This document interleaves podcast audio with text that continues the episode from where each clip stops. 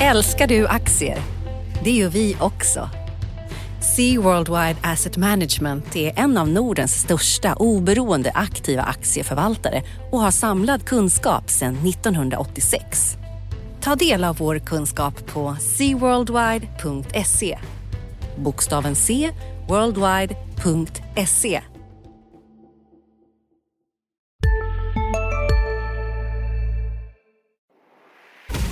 Har vi totalt missuppfattat hur världen ser ut? På Dagens Industris konferens Världen, som inleder året den 15 januari kommer Gapminders vice VD Anna Rosling att dissekera tre megamissförstånd kring vår världsbild. På agendan finns även Investors ordförande Jacob Wallenberg om hur Sverige ska förbli ett världsledande innovationsland. Hur fortsätter Kina sin väg mot global dominans? En inblick från Fredrik Schuh, Sweden China Trade Council. Economists världsredaktör Alistair Ross ger en initierad framåtblick om världen 2019. Vill du förstå världen bättre och veta allt om vad som händer 2019 med Brexit, Trump, klimatet och Sverige? Anmäl dig idag på di.se konferens.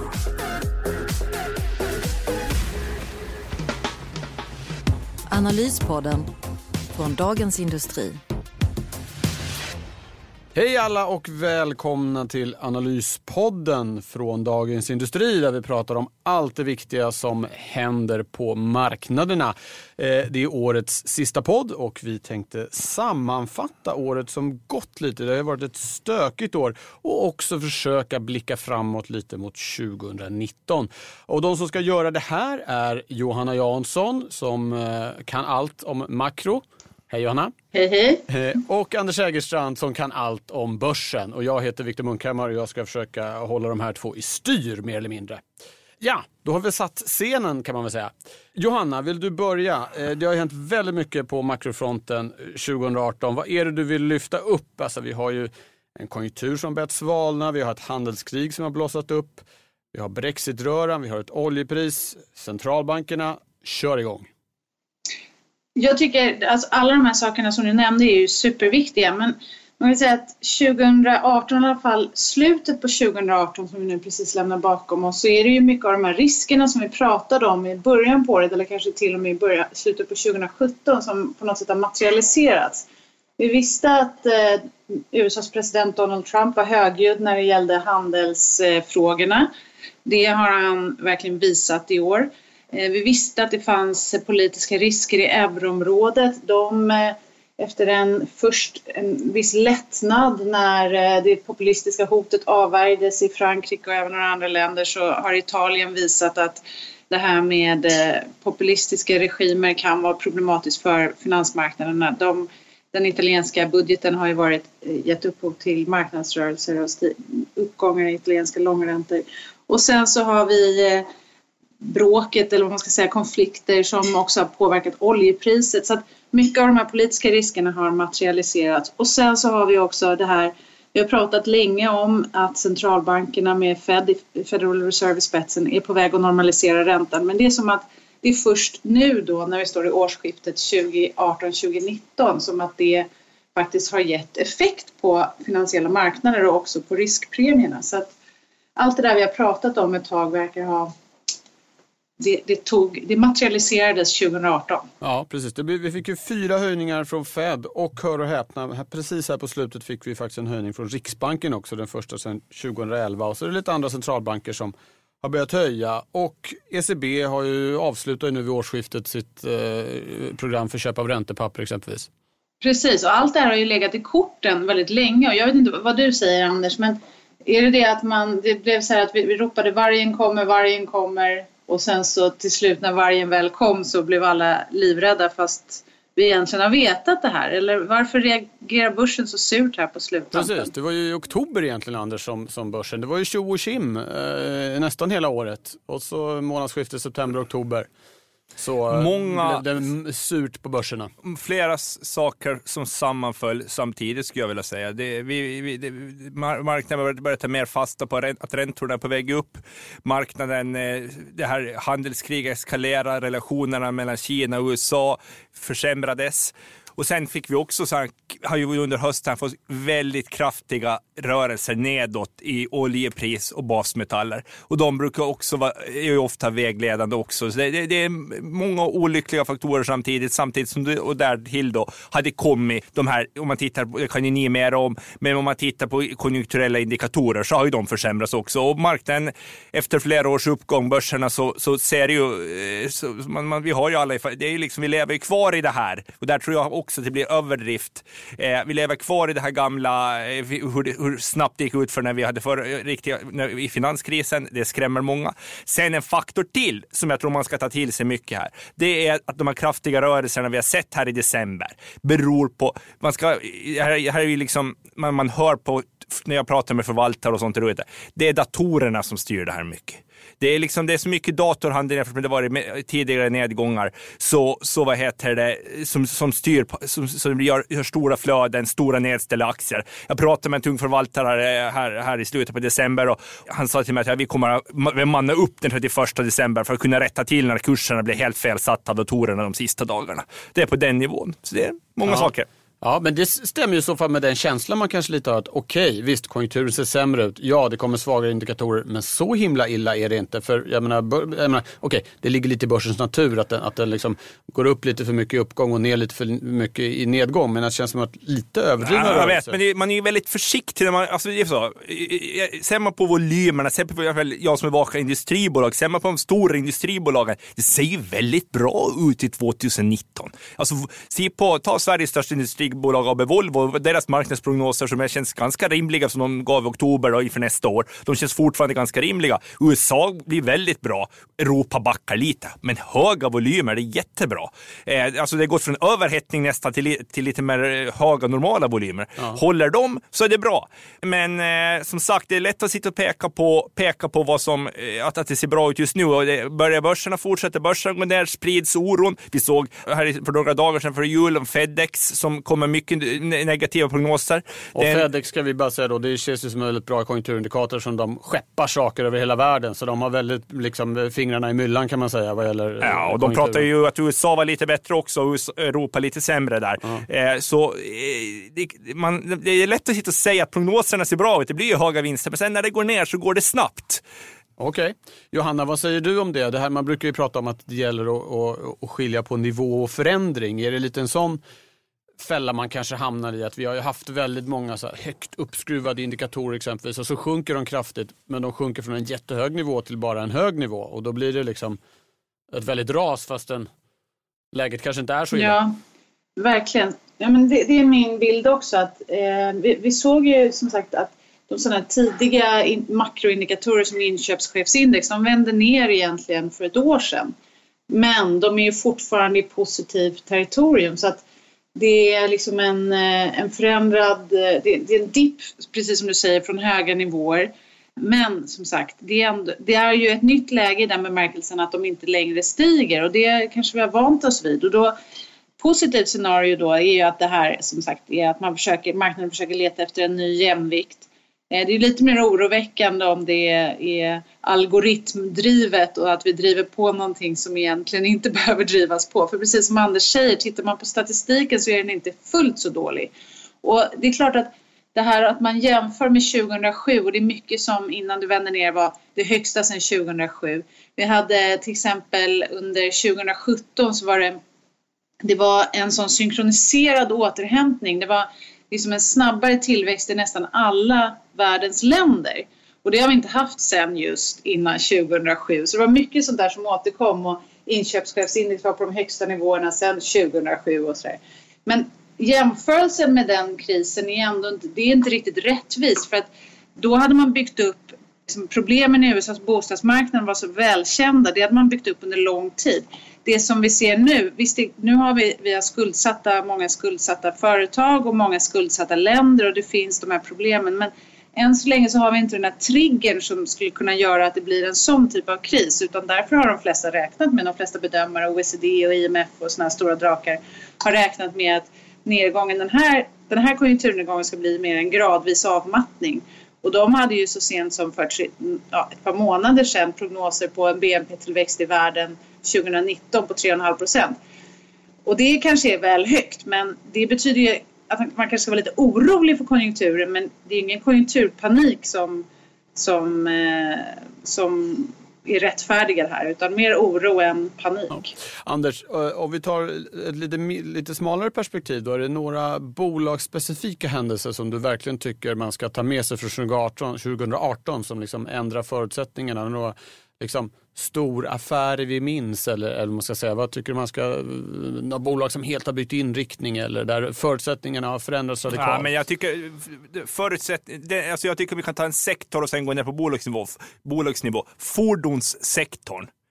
Alltså, där har det ju blivit ett riktigt blodbad i år. Och den sektorn är ju så viktig för hela den globala ekonomin och framförallt för den svenska ekonomin och svenska börsen. Och, och, och där har det hänt två saker. Dels har det blivit oron för handelskrig och, och, och konjunkturavmattning har ju, har ju skapat prognoser om lägre biltillverkning framöver. Och det har ju slagit stenhårt mot mot, mot, mot biltillverkarna. Och det fick ju den stora konsekvensen här eh, i Sverige att den här drömnoteringen av Volvo Cars som skulle ske 2018 aldrig blev av. Och det, det kan ju mycket väl komma att gå till historien som en, en, en riktigt bakslag för Sverige, liksom att Volvo Cars inte blev noterat på Stockholmsbörsen. Och vi har ju också sett då att Volvo, AB Volvo har ju fått, lastbils Volvo har ju fått sin aktiekurs, eh, totalavkastningen, aktien är väl ner runt 20 procent i år. Det har gått riktigt dåligt här under hösten. Och då kommer jag till, det är ju inte bara de här lägre prognoserna för biltillverkning och oro för konjunkturen som spelar in här. Det har ju blivit klart nu den här hösten för alla att den här industrin är på väg i en stor strukturomvandling. Jag menar, så sent som några dagar före jul så kom, beslöt ju EU-kommissionen om drastiskt krav på drastiska sänkningar av koldioxidutsläppen från, det från 20... 35 tror jag. Ja, precis. Ner 37,5 procent. Ja, 37,5 procent ner, som, precis Viktor. Och det här ju, protesterar ju fordonsindustrin vilt emot och det blir otroligt svårt för dem att uppnå det här. Och då ställer det sig aktiemarknaden frågan, det är helt uppenbart att det spelar in till exempel i Volvos, AB Volvos kurs. Kommer de här nuvarande etablerade fordonsbolagen att kunna vara med i den här omställningen och vara vinnare på andra sidan? Eller kommer det komma in nya spelare? Så fordonsindustrin, där, där har det verkligen gått från guld och himmel, allt var fantastiskt, till riktigt jobbigt nu alltså. Och det smittar ju såklart på bolag som Autoliv och ja, Veoneer och ja, andra. Precis, och så hela sektorn. Hela som sektorn. inte finns på börsen, men ja. hela Västsverige. Ja, det är, jag skulle säga Klarar de svenska Volvo-bolagen, Scania, klarar de av den här liksom med nu när både med självkörande fordon och den här eh, kraven på kol, bättre koldioxid, eh, lägre koldioxidutsläpp. Alltså det, det är en ödesfråga för hela den svenska ekonomin ja. de kommande decennier. Ja, det var en, eh, en bra bakåtspaning eh, från eh, 2018. Johanna, från din horisont ska vi väl säga någonting kanske om den svenska bostadsmarknaden. Denna eviga snackis på barer, kaféer, middagar och kanske andra ställen. Där var det ju superdramatiskt hösten 2017, priserna sjönk. Men sen i år har vi generellt haft en, en, en stabilisering. Har du någon tanke där? Man... Ja, eh, precis. För svensk del så är det ju liksom väntan på räntan från Riksbanken, bostadsmarknaden och politiken som har varit eh, och i fokus även här. Och bostadsmarknaden påverkas ju av, eh, av dels eh, både räntan, politiken och sen förstås också vad vi, vad vi pratar och skriver om, om den. Och arbetsmarknaden såklart.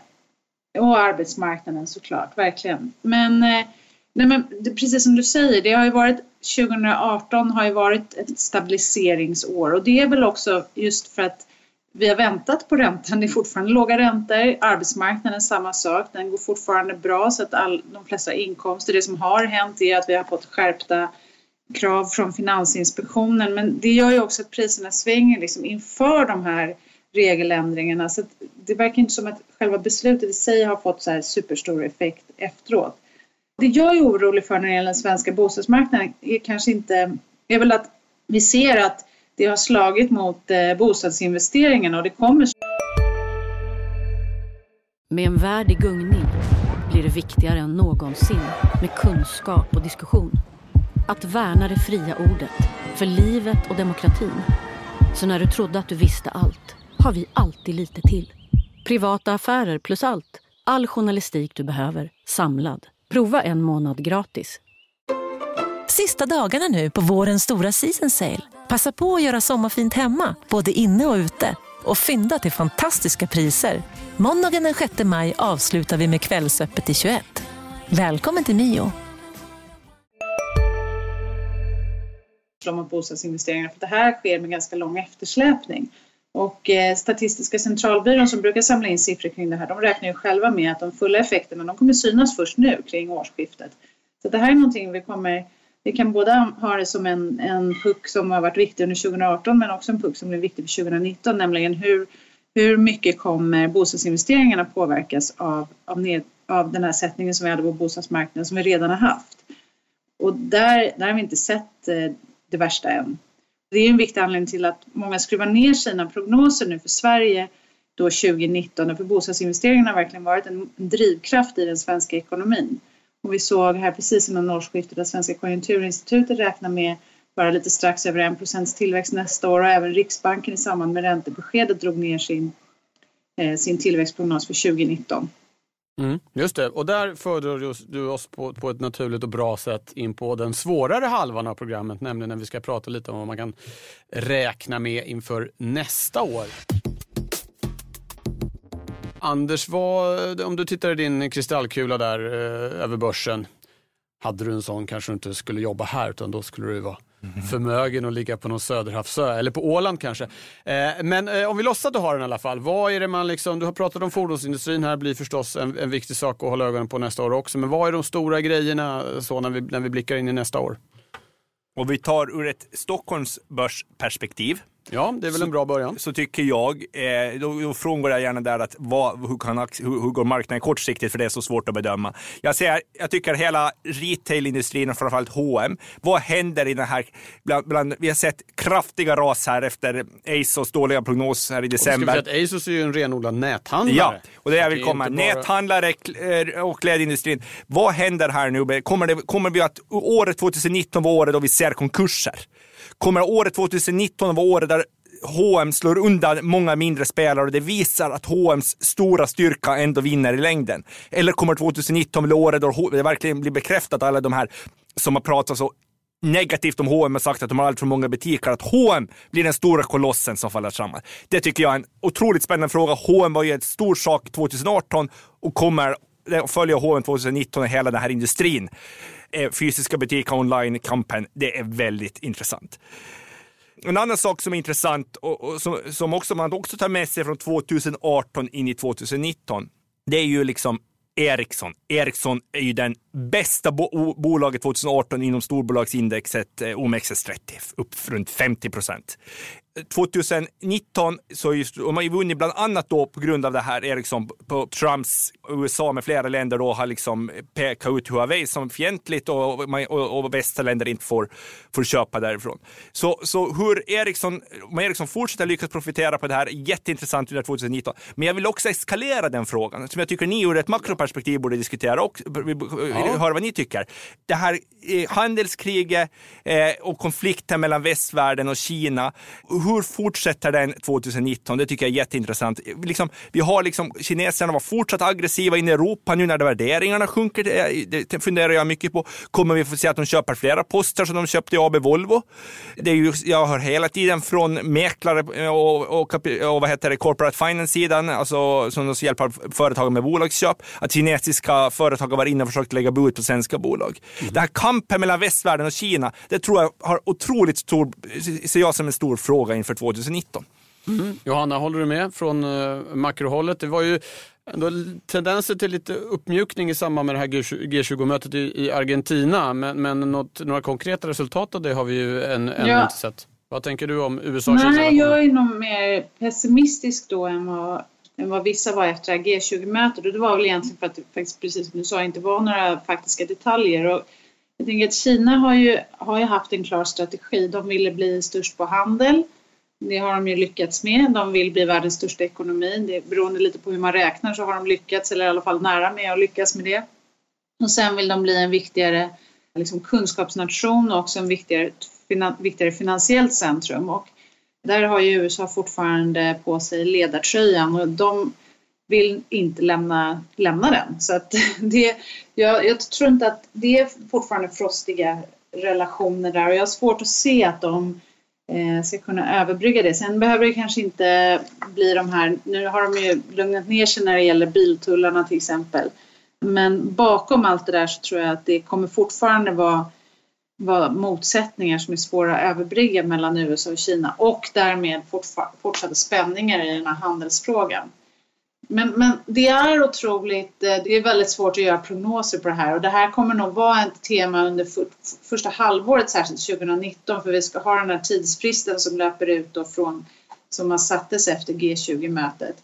Eh, och någonting annat som också påverkar här såklart för Europas del som, blir mitt, som liksom hamnar mittemellan eh, USA och Kina i det här är också att de håller på att trassla med Brexitförhandlingarna som nu är bara tre månader kvar och huruvida eh, Storbritannien ska liksom krascha ut ur EU eller, eller glid, glidflyga ut ur unionen, det får man ju se då. Men, eh, men än så länge även det är fortsatt osäkert. Så att, eh, Ja, det är väl en av de stora ja. puckarna här i, i början på Precis. nästa år. Var, 29 mars är ju datumet då och som du säger, ska det bli utan avtal eller med, med någon form av, eh, av, av avtal? Så det, det, är inte konstigt. Alla de här sakerna för sig är, är det lätt att... Alltså vi har politiskt stök, vi har det som Anders varit inne på, regelförändringen i bilsektorn och vi har stigande räntor. Jag menar, en av de här grejerna hade ju räckt för att ge, göra marknaden nervös och nu när allting händer på en gång så är det ju... Det är inte konstigt att det skakar, men att det skakar är ju inte samma sak som att det måste vända hållbart neråt utan... Eh, Eh, eh så det, och det återstår att se. Alltså marknaden har ju visat sig de senaste åren ganska bra på att leva med den här politiska osäkerheten. Det är inte så att det har varit lugnt och fint de senaste tre, fyra åren direkt, utan det har ju varit grejer hela tiden som liksom lite har skakat av sig. Där är jag ganska också... övertygad om att en, en ja. viktig del i det här med att det skakar mera nu är just att räntorna är lite högre och marknaderna får mindre likviditet från centralbankerna. För när de fick den här när centralbankerna var inne och göt olja på de här vågorna då pressade man ju ner, alltså genom att köpa tillgångar och så, så pressade man ner riskpremierna och de, har, de stiger nu och det är helt naturligt och det är det som Fed borde ha räknat, eller som de har räknat med eftersom de, de visste att de hade pressat ner dem. Och när de stiger så, så är man helt enkelt, då är kontanter i handen idag mer värda än en mer osäker avkastning imorgon och då, då blir det skakigare. Sen behöver inte det vara dåligt. Vissa investerare tjänar ju mer pengar på den här volatiliteten såklart. Men eh, Anders, du vill in här? Nej, men jag, jag håller med. För det är, man, jag har suttit i den här poddstudion så många gånger och sagt att när det varit darrigt tidigare, vi har haft krig senaste åren, att man pekar på att pengar är så billigt, det finns inget alternativ till börsen. Nu börjar det finnas ett alternativ till börsen och därför så är det, det, det är så mycket lättare att söka sig, sitta nu om man sitter med, med, med en stor portfölj och säga, äh, nu sätter vi det, nu, nu tar vi bort det från börsen för vi får, vi får ändå lite avkastning någon annanstans. Förut fick man ingen avkastning någon annanstans. Nu får man 3 procent i amerikanska statspapper. Ja, och det är en väldigt stor skillnad. Det är ju precis det, det vi pratar, det, det, vi gör det enkelt. Det är ju det, är det det handlar om det här, att det, det finns ett alternativ, nu finns det alternativ och därför kanske blir det inte lika självklart att börskurserna rekylerar upp så hårt från de här nedgångarna under nästa år. Och det kan man väl säga att nu 2019 blir första året på väldigt länge som centralbankerna inte längre tillför likviditet till marknaden i och med att ECB eh, slutar köpa nu vid, vid årsskiftet. Federal Reserve har ju till och med börjat minska men, men nettot av de totala centralbankernas agerande blir ju faktiskt negativt nu för första gången. Så att... men, men, men, då kan jag ställa frågan till er då. Finns det, hur stor är sannolikheten för att centralbankerna under nästa år kommer få svänga om igen? Ja, det är verkligen en intressant fråga. Eh, Riksbanken höjde ju här nu precis mm. eh, innan jul och räknar med att höja en gång till eh, nästa år. Och ja, det är väl fortfarande troligast att de kommer göra det. Federal Reserve drog ner lite och tänkte sig, tänkte sig nu två höjningar nästa år från tidigare tre. ECB ska ju ta sitt första kliv någon gång efter sommaren. Ja, det är inte omöjligt att eh, det inte blir någonting från ECB och då tror jag inte det blir något mer från, från, från Riksbanken heller. Det är ju fortfarande huvudspåret att det blir så. Att de skulle börja komma med lättnader igen redan 2019 tror jag är osannolikt, men det är inte omöjligt att Federal Reserve börjar sänka igen 2020 skulle jag säga. Johanna, vad säger ja, men du? det, det är en bra prognos. Jag tänker om man, innan jag ger min prognos för centralbankerna 2019, så tänker jag att om man vill vara nu är det ju mycket deppigt här. Vi har haft börsnedgångar, liksom, det var den värsta, det var den värsta december på USA-börserna sen jag tror man får gå tillbaka till liksom depressionsåren och den största reaktionen på ett enskilt Fed-besked sen Fed höjde räntan för ivrigt i början av 90-talet och tvingades backa. Så det har varit, varit väldigt starka reaktioner här nu och det, när vi sitter här så blir det mycket fokus på alla nedåtrisker. Men om man ska plocka fram några möjliga uppåtrisker inför 2019. Ja, lite solstrålar här. Det är ju faktiskt också, vi har passerat den mörkaste dagen på året här i Sverige. Så om man ska ha någon sån så är det ju att en annan sida av det här populistiska myntet med populistiska politiker är ju att de gillar att spendera pengar. Eh, och det har vi varit inne på. Det har vi sett i USA där Trumps expansiva finanspolitik faktiskt gav ett ordentligt ryck här i USA 2018. Och Visst, om man bara spenderar och inte gör några reformer så är ju risken att det blir lite som en soufflé. man blåser upp och sen så faller det ihop sen lite snabbare än vad det skulle gjort om man hade gjort de här långsiktiga reformerna. Och det är väl kanske det vi, man är rädd för ska hända i USA nu. Men det finns fortfarande en del stimulanser kvar. Alltså det, även 2019 så är finanspolitiken expansiv i USA. Och samma sak gäller faktiskt för första gången på jättelänge i euroområdet. Därför att de här eh, ouppfostrade politikerna i Italien och då även eh, i Frankrike då efter den här gula västarnas protester. Eh, de, de gör att finanspolitiken blir mer expansiv och faktiskt ger några tiondelar på tillväxten i år. Och det, om vi plockar tillbaka till Sverige, gäller även den MKD-budget som, eh, som ser ut att gå igenom i, i, eller som har gått igenom i den svenska riksdagen. Så att lite mer skjuts från finanspolitiken när centralbankerna då tackar för sig kan ju vara en uppåtrisk här framöver. Ja, vi ska börja runda av mm. så, men det, så smått. Men Anders, vill du komma med någon liten solstråle ja, också? Ja, det är fint. Alltså, ja. Jag, jag, jag, blir ledsen om jag låter som för allt för pessimistisk, för vi var ju ändå inne på det här med att det är bra volymer fortfarande. Men, men man ska alltid ta fasta på att marknaden är, när marknaden är på väg neråt så brukar det vara en indikator när börsen är på väg neråt så skarpt som de är nu. Det är det som gör en lite rädd. Men det positiva för Sverige och för Stockholmsbörsen, det är att det nu, om det skulle bli lågkonjunktur, så är våra bolag så bra rustade. När vi gick in i finanskrisen, då var Volvo, Sandvik, SSAB, jag kan nämna flera, de hade allt för höga skuldsättningar. De har gjort dumdristiga förvärv mitt inne i högkonjunkturen och kom in och det var liksom nyemissionsrisk. Det var kris i de här bolagen när de gick in i, i lågkonjunkturen. Nu har bolagen nettokassa eller mycket starka balansräkningar. Det betyder två saker. Våra svenska bolag, vi behöver inte vara rädda för nyemissioner. Det är egentligen tre saker. Vi behöver inte vara rädda för nyemissioner. De kommer, om det blir en riktig lågkonjunktur, så kommer de att kunna göra mycket attraktiva förvärv. Och det tredje, och det som kommer att få betyda mycket redan nu i vår, det är att de kan ge höga utdelningar. De kan ge, kommer kunna ge, många, de flesta bol, OMXS30-bolagen kommer att ge direktavkastningar som gör att de där, de där 3, 3 procenten du pratar om på statslånekupongerna i USA, det, det, liksom, det skrattar vi åt. Så där finns det finns pengar i bolagen, de är stabila. Sen är det fjärde vi vill se i vår och det blir jättespännande. Det som blir spännande här nu det är att se hur bolagen, hur bolagen nu i Q4-rapporterna i januari och, och även i först, rapporten för det första kvartalet i april, att vi nu kan se att om det går ner lägre volymer, att de kan hantera det. Att bolagen, svenska bolag generellt, har lärt sig av finanskrisen, byggt upp, blivit så mycket flexiblare så att inte marginalen säckar ihop bara för att volymerna går ner lite. Det är en, också en mycket viktig spaning i början på året. Härligt. Johanna, vill du lägga till något? Nej, jag lovade ju en ränteprognos, men det känns ju lite futtigt efter den här positiva sammanfattningen av Anders.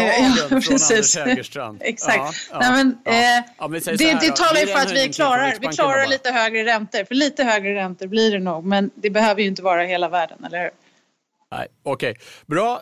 Johanna, stort tack till dig. Anders, stort tack till dig tack. och det största tacket till dig som har lyssnat. Ett riktigt gott nytt år önskar vi här från Analyspodden. Så hörs vi på andra sidan. Hej då! Hej då! Hej! Analyspodden från Dagens Industri. Programmet redigerades av Umami Produktion. Ansvarig utgivare Peter Fellman.